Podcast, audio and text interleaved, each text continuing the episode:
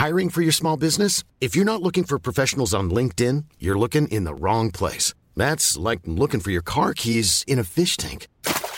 LinkedIn helps you hire professionals you can't find anywhere else, even those who aren't actively searching for a new job but might be open to the perfect role. In a given month, over 70% of LinkedIn users don't even visit other leading job sites. So start looking in the right place. With LinkedIn, you can hire professionals like a professional. Post your free job on linkedin.com slash people today.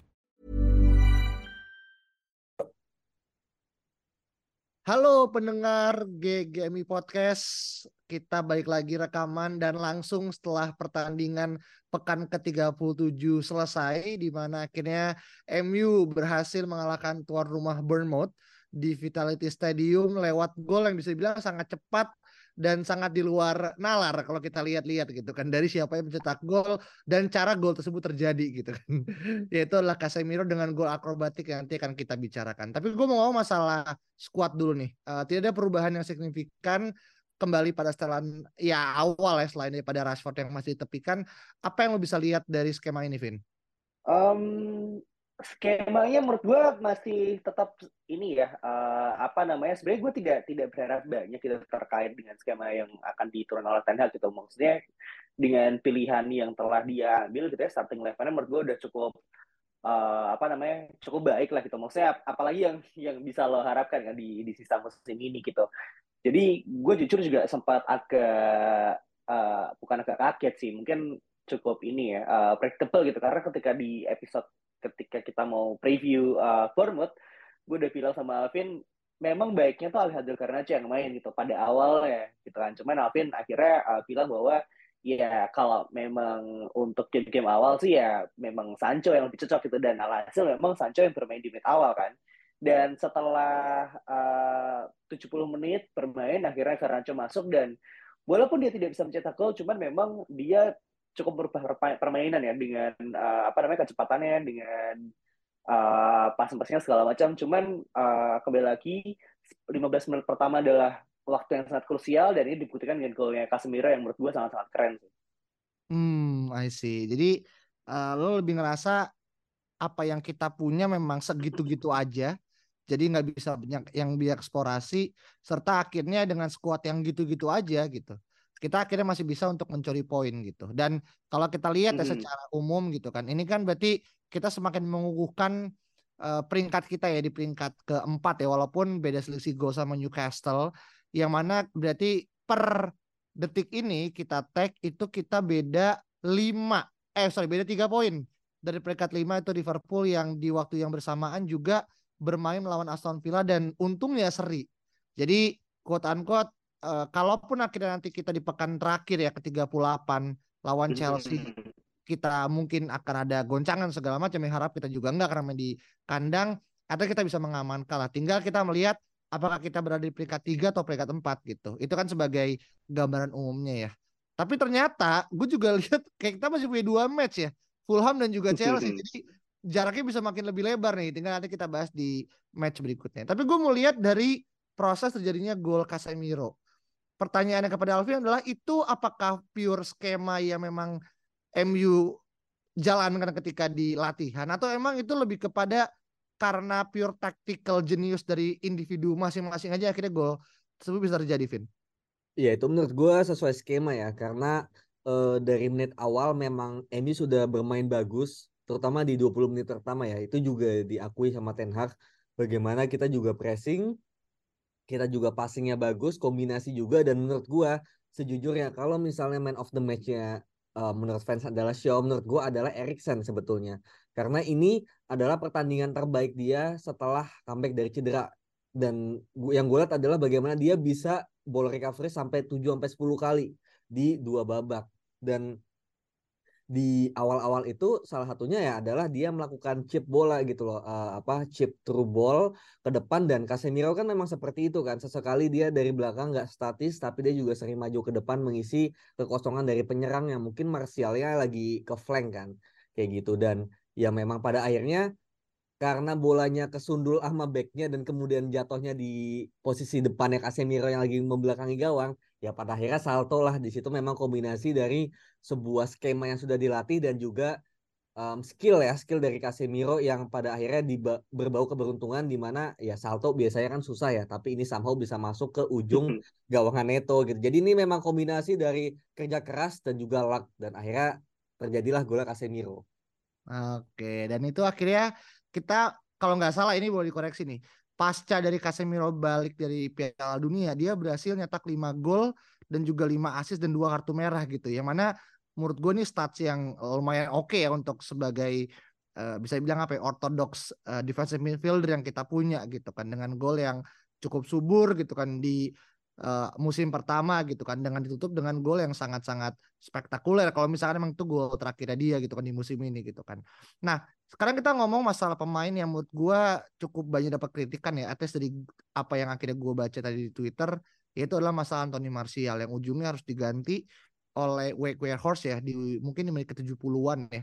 Dan itu sedikit banyak merubah daya gedora MU supaya jauh lebih menekan gitu kan. Tapi yang pengen gue tekankan adalah adanya ekspresi wajahnya Martial yang quote unquote agak disappointed kali ya. Dia merasa kecewa dengan mungkin kita sekilas melihat ya beberapa detik gitu kan. Wajahnya agak memble gitu kan. Nah lu ngelihat ini apa kata tanda kalau Martial sudah tidak lagi quote unquote ya dibutuhkan gitu karena gue sih yakin secara tenaga, mm-hmm. secara pikiran mungkin ini masih di lapangan. Entah mungkin Tanake punya pendapat berbeda atau gimana melihat akhir penggantian Warehorse yang dianggap tidak disukai sama Martial nih, Ung?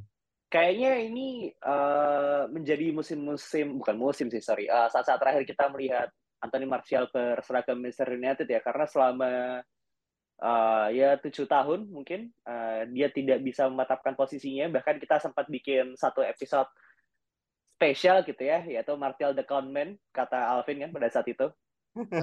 Jadi ya, ya kata Paul Scholes. Jadi uh, kalaupun dia mau bereaksi, entah itu memble atau mungkin gesturnya kayak uh, apa ya, menunjukkan ketidakpuasan atau mungkin dia mau uh, apa ketika di sub dia nggak mau terus akhirnya jalan ke tunnel macam Ronaldo ya terserah dia gitu. Karena ketika lo nggak suka kan sesuatu ya lo buktikan di atas lapangan gitu. Dan ini kan udah berjalan cukup lama ya sejak tahun 2000 berapa? 15 16 dan tidak ada perubahan gitu. Dan setelah gue melihat uh, beberapa berita gitu ya terkait posisi striker di mana kita juga sangat erat gitu di link dengan Harry Kane gitu dan juga pemain muda seperti Rasmus Højlund sih kayaknya gue juga tidak akan merasa begitu kehilangan ya kalau misalkan uh, Martial pergi di akhir musim ini. Oke, berarti ini lebih kepada pure memang akhirnya kita bisa mengatakan ini mungkin sayonara ya kepada Anthony Martial dan bisa jadi match ketika melawan Chelsea adalah match kandang terakhirnya gitu kan. Akhirnya nggak tahu ya terlepas kontrak segala macam tapi ketika kita di apa ya dihidupkan dengan link rumor dengan Harry Kane dan juga Hodgson yang sekarang lagi rame ya yang mungkin kita akan bahas secara terpisah ini adalah suatu threat gitu buat Martial untuk melepas nomor 9 ke orang yang lebih layak gitu. dan, hmm. dan kita bisa melihat ada perubahan yang sangat signifikan lah di lini gedor MU di musim depan. Tapi bergeser ke perta ada dalam arti ke permainan lain ya. Uh, banyak orang juga akhirnya ngerasa cukup tidak anti cukup tidak simpati dengan Anthony ya Vin yang akhirnya rasa banyak chance yang akhirnya terbuang dan keputusan-keputusan diambil itu bisa dibilang agak apa ya blunder lah dan kadang ada beberapa dua gue hitung ya dua sampai tiga kali uh, umpan dia yang salah akhirnya ngebuat kita kena counter attack gitu kan.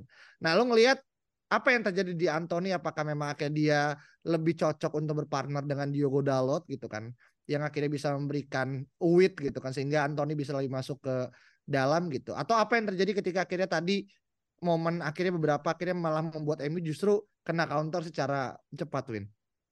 Iya, sebenarnya Anthony ini kan juga masih belum ini ya, masih musim pertama dan kemudian juga um, belum begitu klop dengan sebuah sistem yang sistemnya juga belum begitu uh, jalan juga sama Ten Hag karena banyaknya karakter pemain yang tidak cocok juga gitu. Jadi ya tadi lu sempat mention ada uh, Diogo Dalot kan, ya, ya sebenarnya Anthony juga selama ini main sama Wan Bisaka juga sering bagus juga kok gitu dan Wan Bisaka tadi nggak lagi jelek juga gitu dari sisi bagaimana dia kerjasama sama Anthony. Cuma memang ya sering kali cutbacknya nggak nyampe atau dipotong gitu itu bukan salah dia juga gitu. Cuma memang kalau misalnya masalah build up ya oke okay, Dalot memang lebih bagus gitu. Tapi tadi Wan Bisaka juga nggak lagi jelek-jelek amat lah kasarnya gitu. Bukan bukan sebuah alasan kenapa Anthony jelek gitu. Jadi ini memang yeah, deep, deep of formnya aja gitu kayak sebenarnya Anthony juga nggak sejelek itu gitu. Awal-awal dia juga sempat mengancam. Cuma memang apa ya kayak menurut gua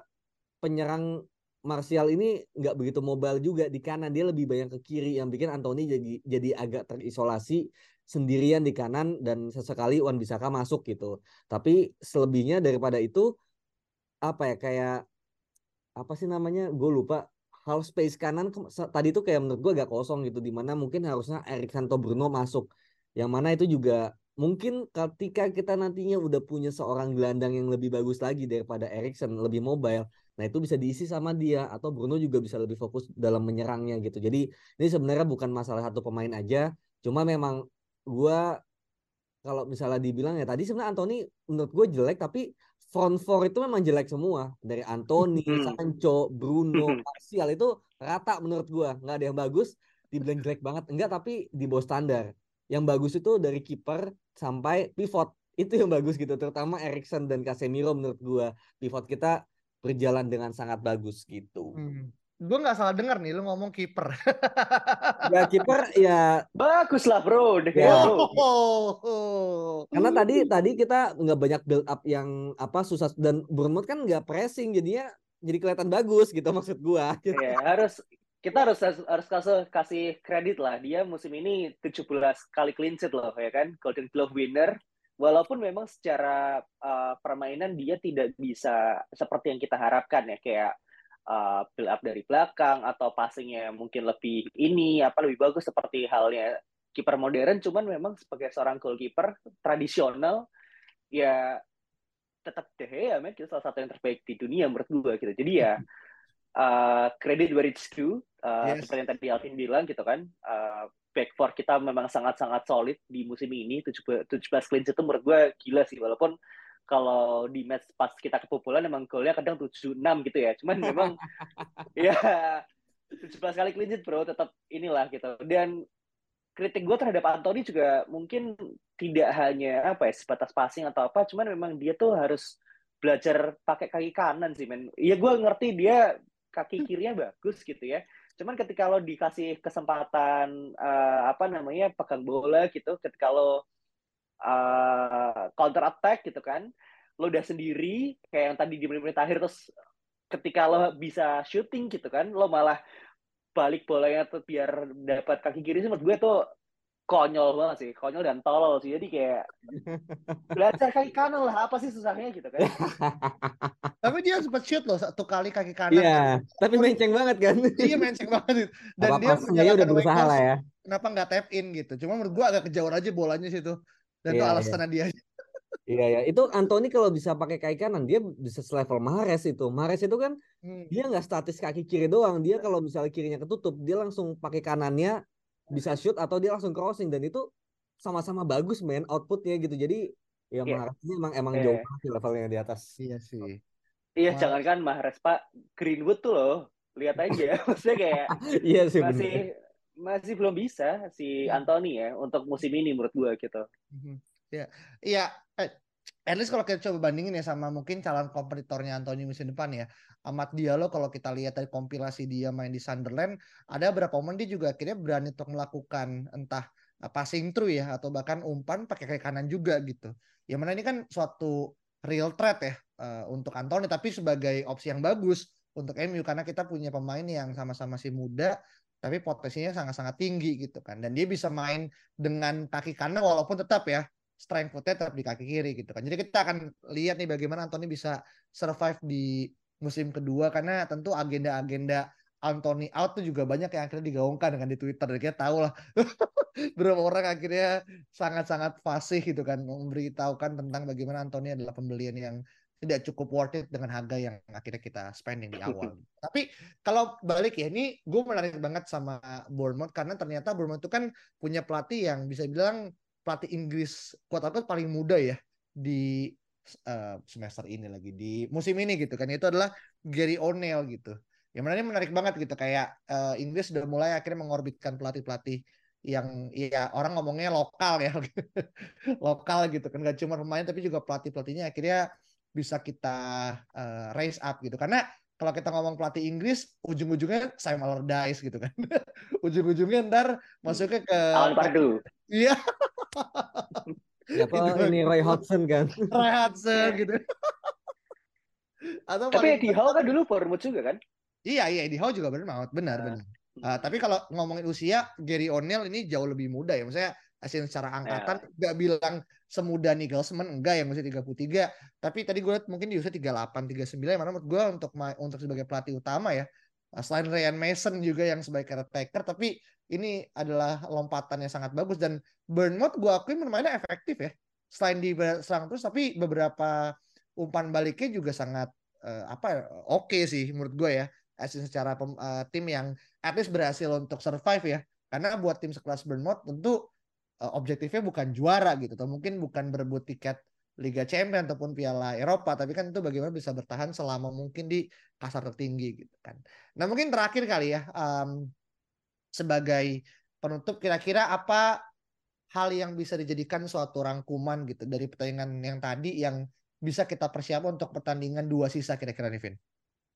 Iya menurut gue finalnya adalah lawan Chelsea. Bagaimana kita sebenarnya gue juga tadi babak kedua gue sambil nonton Liverpool kan.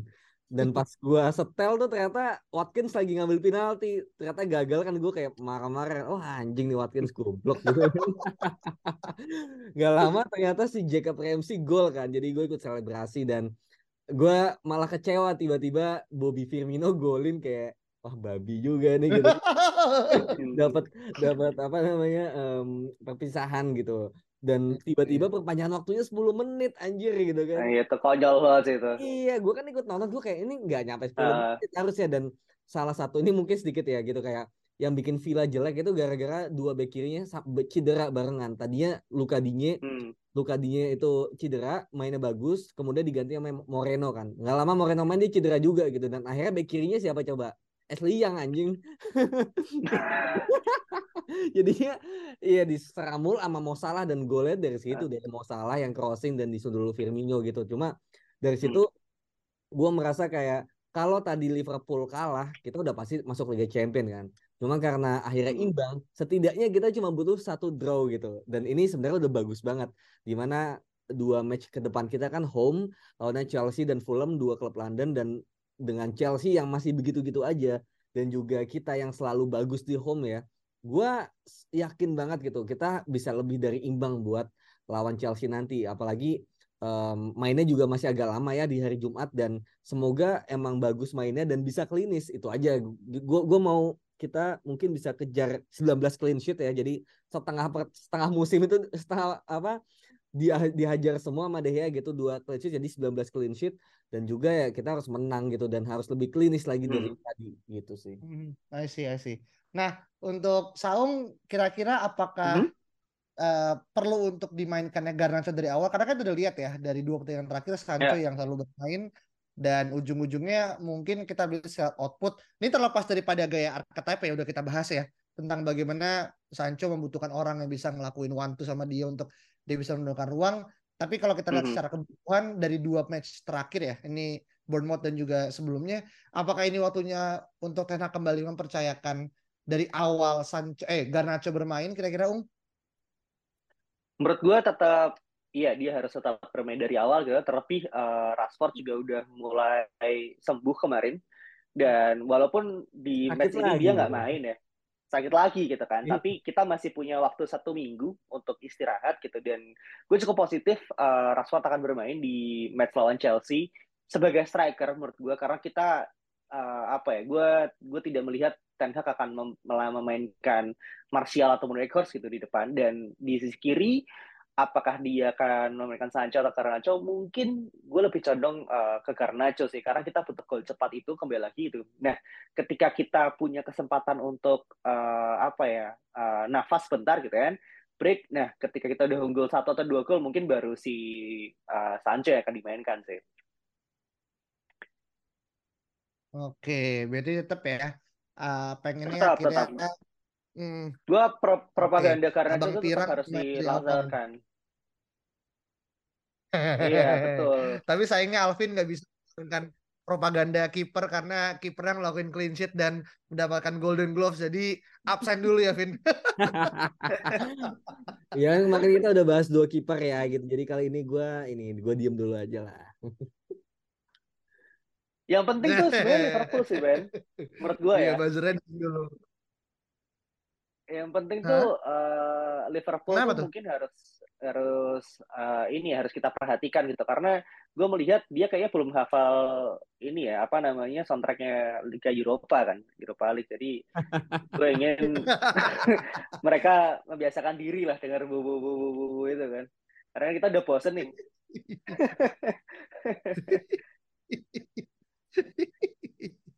Iya iya iya. Dan gue tuh teringat ya. Tadi pas Bobby Firmino gol ini agak sedikit pindah sih. Dia tuh kayaknya golnya habis dapat sepatu baru kayak itu. Karena gue lihat di Instagram Adidas kan dia dapat sepatu baru tuh ya. Yang warna putih itu warna putih merah gitu kan. Mungkin bisa jadi itu jadi satu akhirnya kenapa dia golin sih. Tapi either way itu cuman sebagai intermezzo gitu kan. Dan kalau teman-teman ngerasa ada review dari kita yang mungkin kelewat dan mungkin yang ditambahkan silakan banget langsung kunjungi aja Twitter at GGM Podcast dan juga sekali lagi jangan lupa untuk kasih bintang 5, follow dan silakan mengunjungi Saweria GGMU kalau emang teman-teman ingin berminat memberikan uh, quote unquote bantuan gitu ya secara finansial untuk akhirnya bisa membuat kita sebagai content creator tetap berkarya gitu. Itu aja, kita ketemu lagi di episode berikut ya. Bye bye.